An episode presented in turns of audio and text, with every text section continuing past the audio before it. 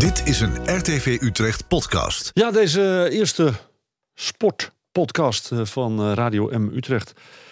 eh, heb ik de eer de aanstaande, of de aanstaande, de nieuwe, de huidige al, chef de mission voor de Olympische Winterspelen van 2022 aan tafel te hebben. Eh luister naar Karel Verheijen, voormalig topschaatser. Tien jaar geleden alweer gestopt.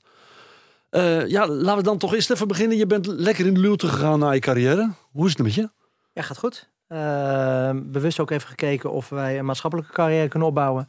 En eh, zeker wel met de sport verbonden door dingen te doen eh, bij de schaatsvereniging, bij de Landelijke Atletiek Unie. Ehm, en ook de Jeugd Olympische Spelen heb ik nog twee keer mogen be- Ja, begeleiden. ja, d- dat is eigenlijk een beetje de stage geweest voor, eh, voor wat je nu gaat doen. Eigenlijk wel, ja. Dan krijg je een kleiner team mee, ook op een echt Olympische Spelen eigenlijk. Maar dan voor de jeugd. En daarmee ga je wel steeds veel beter die wereld begrijpen. Eh, is dat ook bewust een, een pad geweest dat, eh, eh, dat, dat, dat het NOC-NSF dan met jou inslaat? Van, we zetten je nu eerst op, het, op de Jeugd Olympische Spelen om door te groeien dan naar het chef de missionschap? Nou, dat stukje is wat later gekomen. Wat ze wel graag wilden is dat ze gewoon veel meer met oud-sporters aan de gang gaan binnen het NOC-NSF. Om te kijken of richting een chefschap, of richting internationaal, of richting bonden, of op andere manier om in ieder geval sommige sporters ook echt te behouden voor de sport. En pas later, dus we zijn hier in dit traject eh, samen met Pieter van Hogeband en Mark Huizinga in 2011 mee gestart. En pas na 2016, 2017, toen kwamen er ideeën om het chef de missionschap anders te gaan inrichten. Wat heeft geleid uiteindelijk dat nu Pieter eh, eh, van Hogeband de zomer gaat doen in 2020 en ik de winter in 2022. En wat daarbij, dat lijkt me sowieso hè, voor een oud topsporter, het, het, het is een allemachtig eervolle baan. Wat daar ook nog eens bij komt is het, Paverij heeft het ook gedaan. Ja, dat, dat is wel heel bijzonder. Dat maakt het wel heel uniek natuurlijk. Eh, kijk, ik denk dat, eh, dat ik de competenties heb om het allemaal te doen. En, en daar zijn we goed op voorbereid en worden we nog straks steeds eh, verder op voorbereid. Maar het is heel gaaf dat mijn vader dat natuurlijk ook in 2006 heeft mogen doen. En dat, nou, die ervaring zal ik zeker ook meenemen en af en toe aan hem vragen hoe hij het gedaan heeft. Ja, jouw vader is chef de mission geweest van de Olympische Spelen waar jij aan deelnam. Eh 2006. Eh, als jij in 2022 eh, chef de mission bent, eh, geen, kleine verhei, geen kleine verheijetjes. eh. Nee, daar ga ik niet van uit. Eh, onze meiden zijn nog, eh, nog jong genoeg, zeg maar. Ja. Ja, en, en zijn ze wel goed genoeg om, om, om dat te bereiken? Want eh, wij zeiden destijds, hè, Karel Vrij en Andrea Nuit kregen kinderen.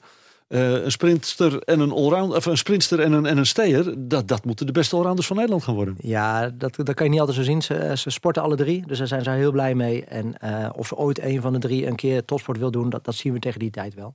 Eh, ze tennissen, ze hockeyen eh, en de middelste Lisanne die schaats wel. En we gaan zien waar het eindigt. Ja. Ja, je poest het niet. Zeker niet. Nee, Nee, dat is met jou ook nooit gebeurd, toch? nee gelukkig niet. Nee. Ehm, wat moet een chef de mission kunnen? Ja, heel veel. Ehm, we hebben eigenlijk twee grote rollen. Eh, we zijn de verbinder en het boegbeeld eh, richting eh, media, richting nationaal, richting internationaal, richting de clubs, richting de bonden. Dus je hebt echt een verbindende rol aan de voorkant, zeg maar. En de achterkant moeten we eigenlijk met het team, of de teams die er nu al aan het werk zijn, goed zorgen dat alles goed loopt ri- richting spelen. Dus dat heeft te maken met de high performance teams die bezig zijn met de resultaten en de prestaties van de coaches en atleten. Maar dat heeft ook met een games operations team te maken dat we alle logistiek en de kleding en de huisvesting allemaal goed voor elkaar krijgen. En als het goed is, zal je ons niet zo heel veel zien, want dan loopt alles goed. Behalve als er misschien een calamiteit is, ja, dan moet je op een gegeven moment wel ook beslissingen gaan nemen. Ja, we- we- je hoort chef de missions ook altijd zeggen. eh, chef de missions die, die lopen altijd te roepen van ik wil zoveel medailles halen of ik ga zoveel medailles halen. Maar een, een chef de mission heeft daar natuurlijk helemaal geen invloed op. Want je bent geen trainer, je bent geen coach. Precies, het is een lange termijnstraject en je kan wel zorgen dat wij het zo faciliteren dat je in ieder geval niet onder je ondergrens doorgaat. hè. Dus dat je echt wel zorgt dat je eh, een optimaal sportklimaat eh, neerzet. En dat is volgens mij onze grootste taak. Dat onze sporters en onze coaches en onze teams zo kunnen presteren dat we voor Nederland de, de meest mogelijke medailles gaan halen. Dus dat is onze taak, maar er zit al een hele lange voorbereiding achter van heel veel meer mensen dan alleen de chef de mission. Ik ga eventjes met je terug naar een, eh, naar een moment wat jij hoopt ook als chef de mission eh, mee te maken van een van, jou, eh, van een van jouw pupillen. Maar Kemkers die schreeuwt zijn pupil nu de laatste bocht in. Die alles staat. Ik ben erbij gaan staan. Karel Verheijen of Chet Hendrik. 12.58, 25 was het van Chet Hendrik. 12.58, 25 was het. En het is 12.57, 92. Een rondje 29.8. Jongens, jongens, jongens, jongens. Karel Verheijen, hij doet het. Hij pakt het wereldrecord op de 10 kilometer. Hij pakt de overwinning hier op de 10 kilometer in Heerenveen. Maar het allerbelangrijkste is natuurlijk dat wereldrecord. Ja, dat reed je daar in Heerenveen, 2005 meen ik. Ehm, eh, nog steeds, ja, nog steeds. Je zult je PR de laatste tien jaar niet gereden hebben, maar het is je PR nog, hè? Nee, daarna heb ik nog eens een keertje bij de WK Allround uh, dat, die tijd ver, uh, verbeterd, zeg maar. Uh, en uiteindelijk heeft Sven ook het wereldrecord gepakt. En nu, um, ja, nu is het onder, ja. de, onder de 1340 al. Uh, ja, dat of onder de 1240. Ja, ja, het gaat heel hard. Uh, maar dat was wel een van mijn mooiste races. Waarin in een vol Tialf met drie andere mensen die ook onder het oude wereldrecord zaten. Uiteindelijk in de laatste rit het wereldrecord pakt. Ja, je pakte het wereldrecord dat gereden was in Salt Lake. Dus je pakte op een laaglandbaan een, een hoogland wereldrecord. Ja, klopt. En dat was ook het Olympische seizoen, 2005, 2006. En in de drie World Cups daarvoor had ik steeds of een Nederlands record...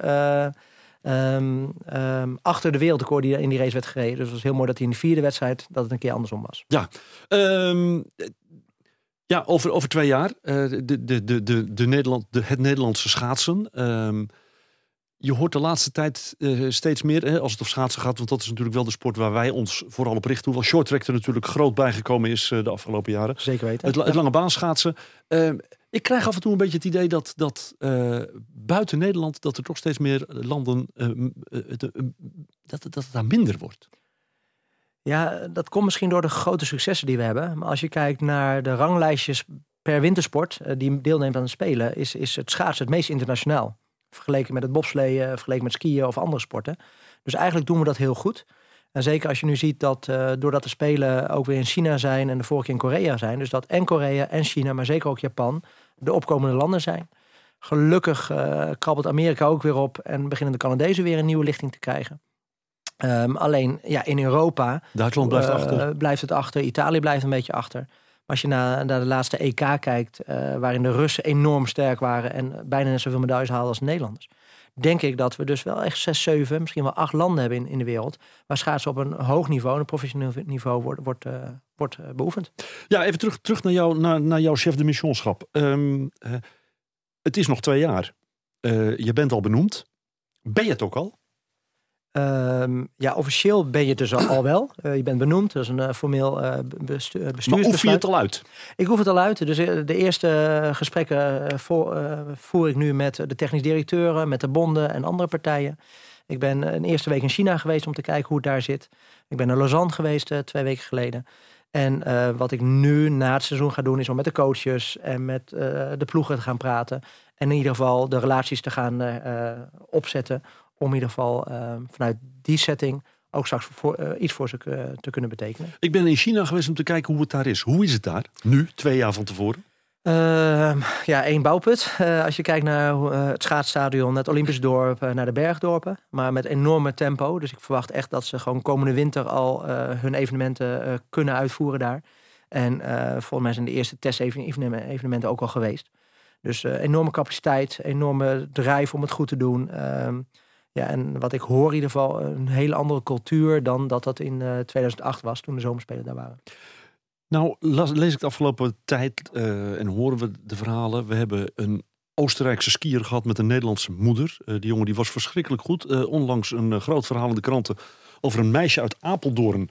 Dat bij het vrouwen skispringen tot de wereldtop behoort. Maar ja, voor Oostenrijk of Zwitserland, wil ik af zijn, springt. Omdat ze ja, daar meer faciliteiten had altijd. En, en een, uh, Oostenrijks paspoort ook heeft vanwege een moeder, geloof ik dan weer. Is een chef de mission toegeroepen om te kijken of hij dat soort mensen voor Nederland kan laten uitkomen? Dat is in primair niet onze taak. wat je wel kan doen is, is met elkaar verbindingen leggen en andere mo mogelijkheden. Maar we hebben gewoon een technisch directeur. We hebben onze bonden die gewoon die beslissing moeten nemen. En mocht er ooit steun van NOC en NSF bij komen, dan kan die eventueel georganiseerd worden. Maar dat is dus niet uh, primair de taak van de chef. Is het de taak van de chef om uh, op het moment dat er um, gedonder in de tent is. Uh, en dan bedoel ik, je noemde net de Russische schaatsers die zo hard gaan. Dan kom je onvermijdelijk op het dopingverhaal uit.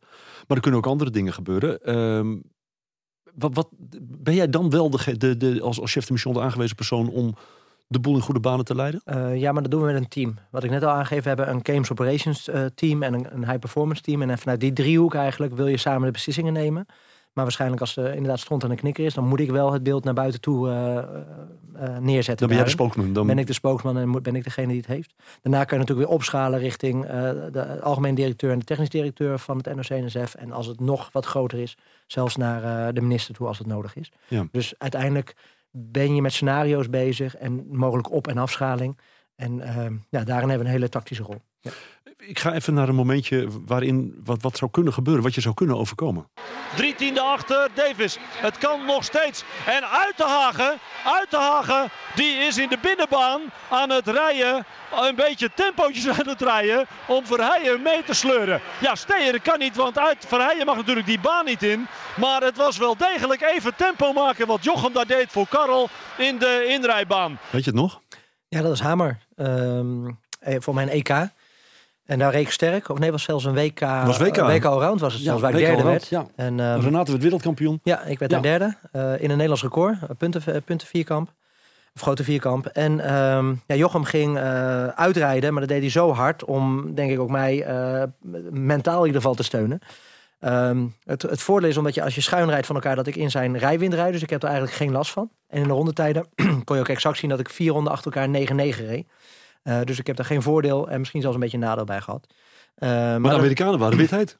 ja, en dat mag ook. Want het heet van de strijd gaat het om, om een plek 1, 2 en 3. Ja, En dat, als dat een manier is eh, waarom je misschien wel hoog in het klassement zou kunnen komen, wordt dat opgepakt. ja eh Art Schenk was toen Karel Verheijen, zullen we maar zeggen. Die was een soort chef de mission van de Nederlandse schaatsploeg daar in Hamer. Volgens mij, want die, of zat hij, nee, die was bij de ISU.